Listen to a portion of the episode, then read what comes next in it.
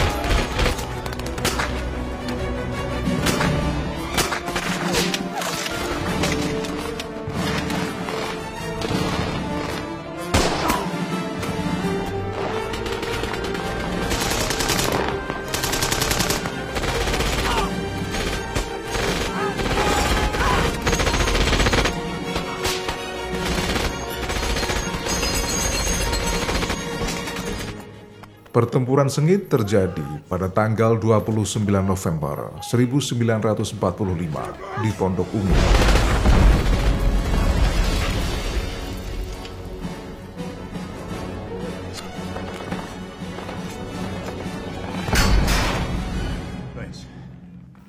Pasukan rakyat yang dipimpin Kiai Haji Nur Ali menembaki pasukan sekutu dalam sebuah serangan mendadak.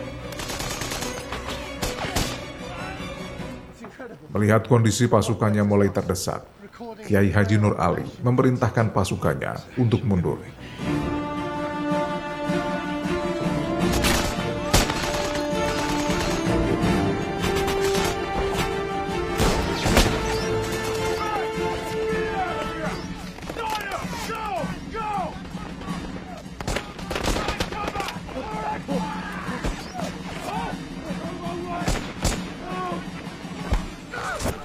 Pertempuran itu di satu sisi mengakibatkan terbunuhnya ratusan pejuang. Namun di sisi lain, para petinggi Belanda dan Indonesia mulai sadar di sekitar Karawang, Cikampek, Bekasi, dan Jakarta masih ada kekuatan tersembunyi yang siap membela tanah air. Sekarang sudah dekat, Tuan. Kelentengnya sudah tidak jauh lagi dari sini. Mulai tadi kamu bilang dekat-dekat saja. Tapi sekarang sudah dekat betul, Tuan. Itu dia. Ayo, terus, jalan. Cepat, Jalan. go. Beberapa hari sebelum kontak senjata terjadi, Kiai Haji Nur Ali memerintahkan pasukannya bersama masyarakat di Tanjung Karekok, Rawagede, dan Karawang membuat bendera merah putih ukuran kecil yang terbuat dari kertas.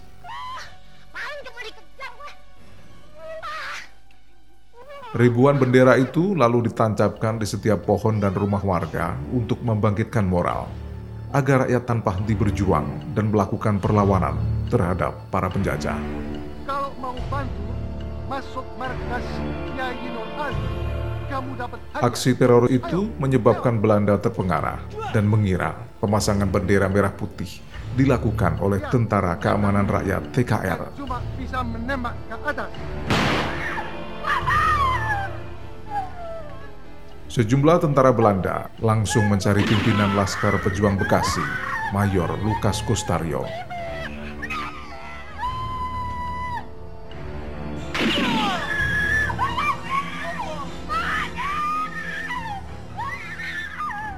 Karena tak ketemu, Belanda kemudian marah dan membantai sekitar 400 warga sekitar Rawagede.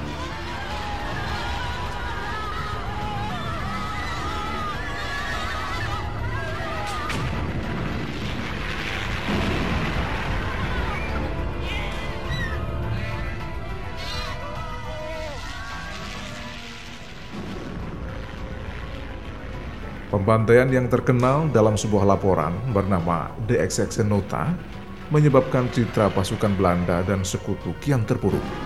karena melakukan pembunuhan keji terhadap warga sipil yang tidak berdosa.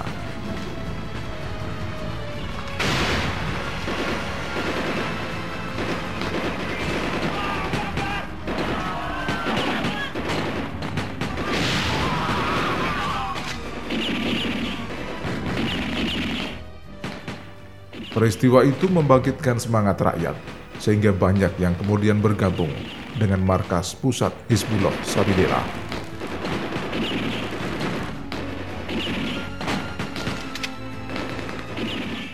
Kekuatan pasukan sekitar 600 orang yang kemudian malang melintang antara Karawang dan Bekasi, berpindah dari satu kampung ke kampung lain, menyerang pos-pos Belanda secara gerilya.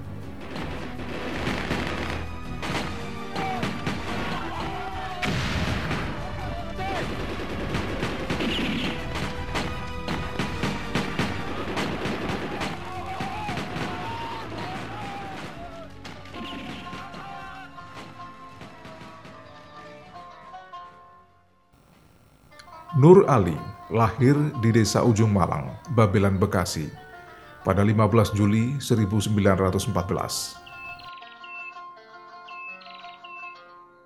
Ia anak keempat dari sepuluh bersaudara, pasangan Anwar bin Layu dan Maimunah binti Tarbin. Sejak kecil Nur Ali dikenal mempunyai semangat belajar yang tinggi, sehingga pada umur tujuh tahun ia mampu menghafal sebagian besar ayat-ayat Al-Quran.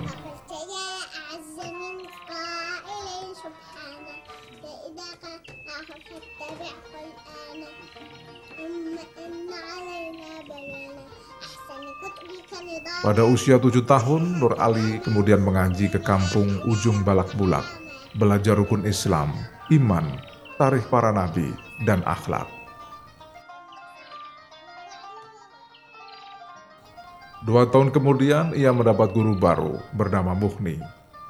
Bersama sang guru itulah Nur Ali belajar tata bahasa Arab, tajwid, nahwu, tauhid, dan fikih.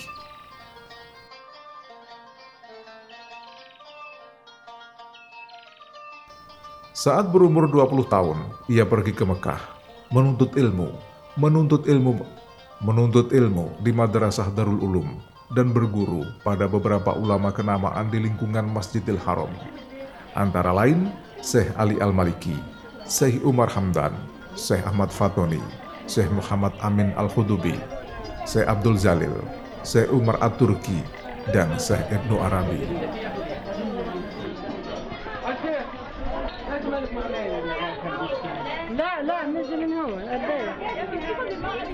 Selama di Mekah, ia juga aktif berorganisasi. Salah satunya dengan menjadi anggota pelajar Islam, bahkan menjabat sebagai ketua Persatuan Pelajar Betawi. Nur Ali aktif di Perhimpunan Pelajar-Pelajar Indonesia, Persatuan Tolabah Indonesia, Pertindo, dan Perhimpunan Pelajar Indonesia Melayu, Perindom.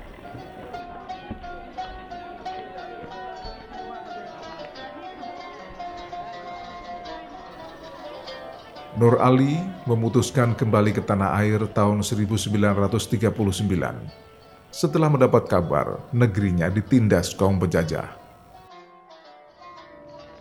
Sebuah pesan penting disampaikan Syekh Ali Al-Maliki kepadanya sebelum ia pulang.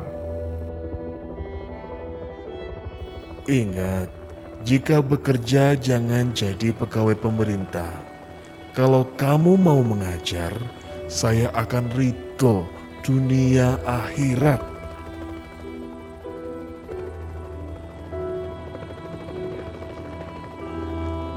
Hari ini siapa yang tidak hadir? Iya, Kondi, kan?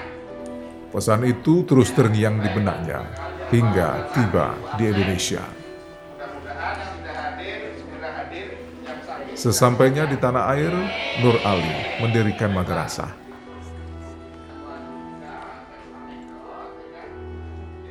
Ia juga menghimpun kekuatan umat dengan membangun jalan tembus Ujung Malang, Teluk Pucung di tahun 1941.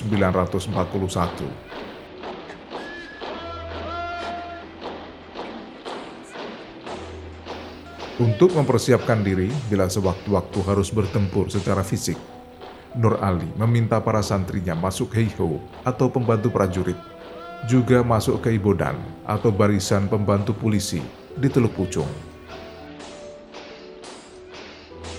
Bahkan salah seorang santrinya, Marzuki Alam, mengikuti latihan militer pembela tanah air atau PETA.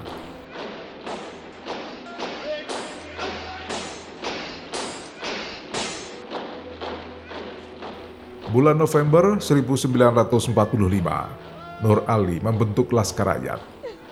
Seluruh pasukan dan santrinya diperintahkan menghentikan proses belajar mengajar demi mendukung perjuangan. Ia kemudian mengeluarkan fatwa wajib hukumnya berjuang melawan penjajah.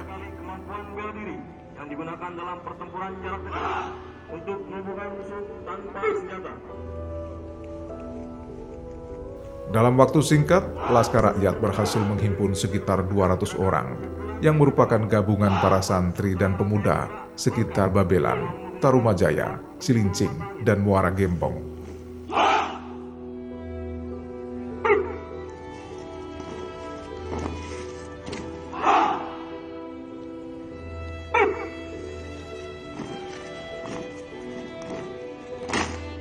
Mereka dilatih mental oleh Kiai Haji Nur Ali dan secara fisik dilatih dasar-dasar kemiliteran oleh Tentara Keamanan Rakyat Bekasi dan Jatinegara.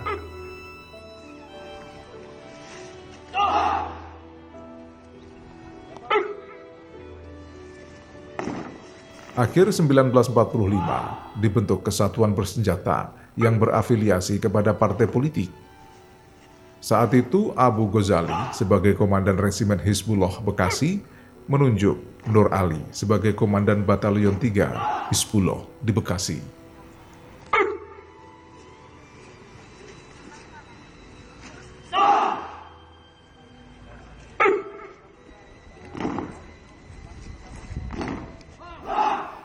Setelah agresi militer pertama Belanda tahun 1947, Nur Ali mengadakan musyawarah darurat di Karawang karena ia tak rela melihat negerinya terus dijajah.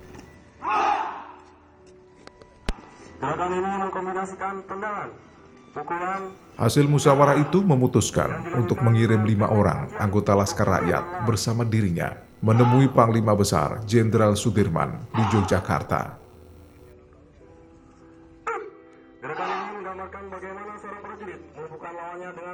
Saat di Jogja, rombongan itu diterima oleh Hurip Sumoharjo.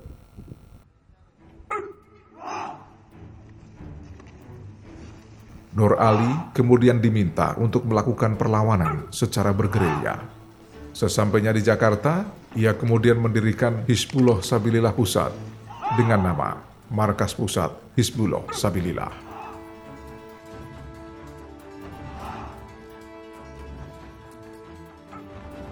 10 Januari 1948, Muhammad Mukmin, wakil residen Jakarta, mengangkat Kiai Haji Nur Ali sebagai pejabat bupati Kabupaten Jatinegara.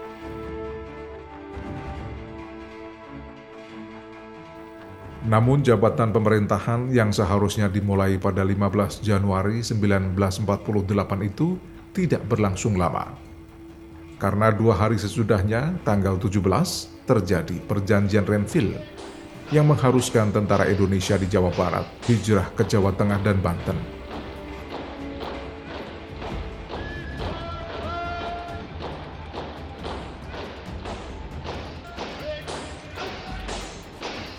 Kiai Haji Nur Ali memilih hijrah ke Banten dengan membawa 100 orang pasukan dari Kompi Syukur.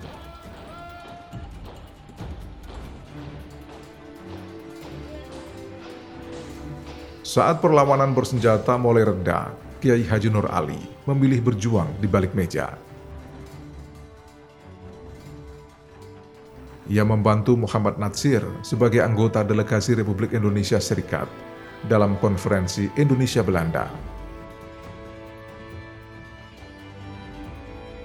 Dalam kesempatan itu, Nur Ali sempat membahas kelanjutan perjuangan dengan tokoh-tokoh nasional seperti Muhammad Natsir, Mr. Yusuf Ibisono, Muhammad Rum, Muhammad Safi, dan Kiai Haji Rojiun. hingga kemudian ia diminta untuk menyalurkan aspirasi politiknya, bergabung di Partai Masyumi.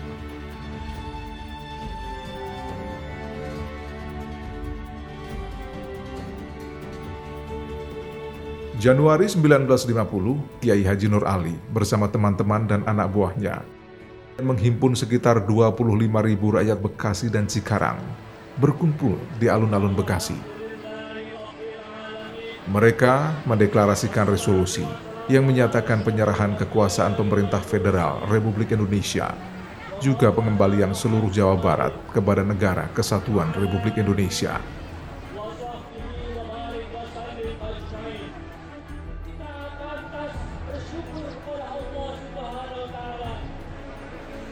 Kiai Haji Nur Ali bersama panitia amanat rakyat menuntut agar nama Kabupaten Jatinegara diubah menjadi Kabupaten Bekasi. Tuntutan itu diterima oleh Perdana Menteri Muhammad Natsir, sehingga pada 15 Agustus 1950 terbentuklah Kabupaten Bekasi di Jatinegara. Selanjutnya dimasukkan ke dalam wilayah Provinsi Jawa Barat.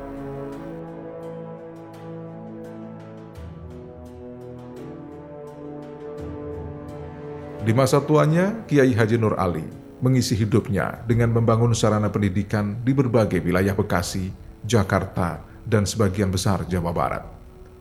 Ia juga sering berdakwah di beberapa tempat di tanah air. Itu tanda kita betul-betul katanya masing-masing baik.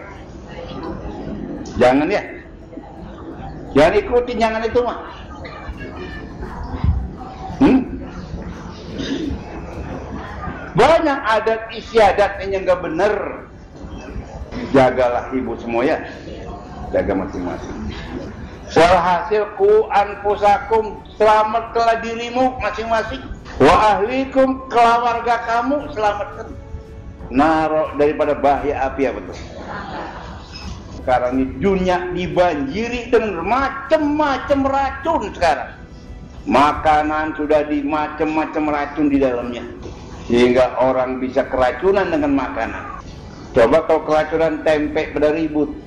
Pada keracunan makan barangnya haram bukannya mati badannya, imannya mati, rohnya mati dengan makan barangnya orang gak ribut. Ini salah ya.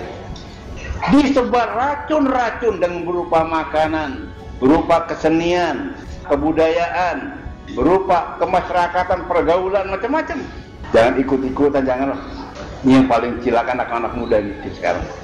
Anak muda sudah jauh sekali ya. Ibu-ibu betul-betul awasi anak muda ya. Ajar ke bocah-bocah pada. Ajar dia bener. Ha? Supaya betul-betul belajar yang baik. Kita enggak selamanya hidup di dunia bukan. Satu waktu mesti mati. Mari kita bersiap-siap. Tazawadu kata Allah. Carilah bekal. Bekal apa? Bekal mati. Fa inna khairazat at-taqwa.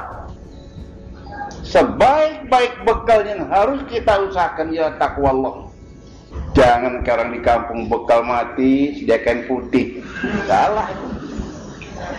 Bekal mati sedia dinding hari. Bekal mati sedia kuburan. Orang geblek gitu. Oh yang berangkat mati nanti ke neraka ke surga itu bukannya badan, ruh. Harga manusia bukan di badan, ruh di situ bukan. Nah, dengan itu maka ini harus dijaga oleh kita masing-masing. Ruh selamatkanlah itu sama sekali. Yang mati mah badan, bukannya ruh. Kalau ruh untuk selama-lamanya tidak akan mati.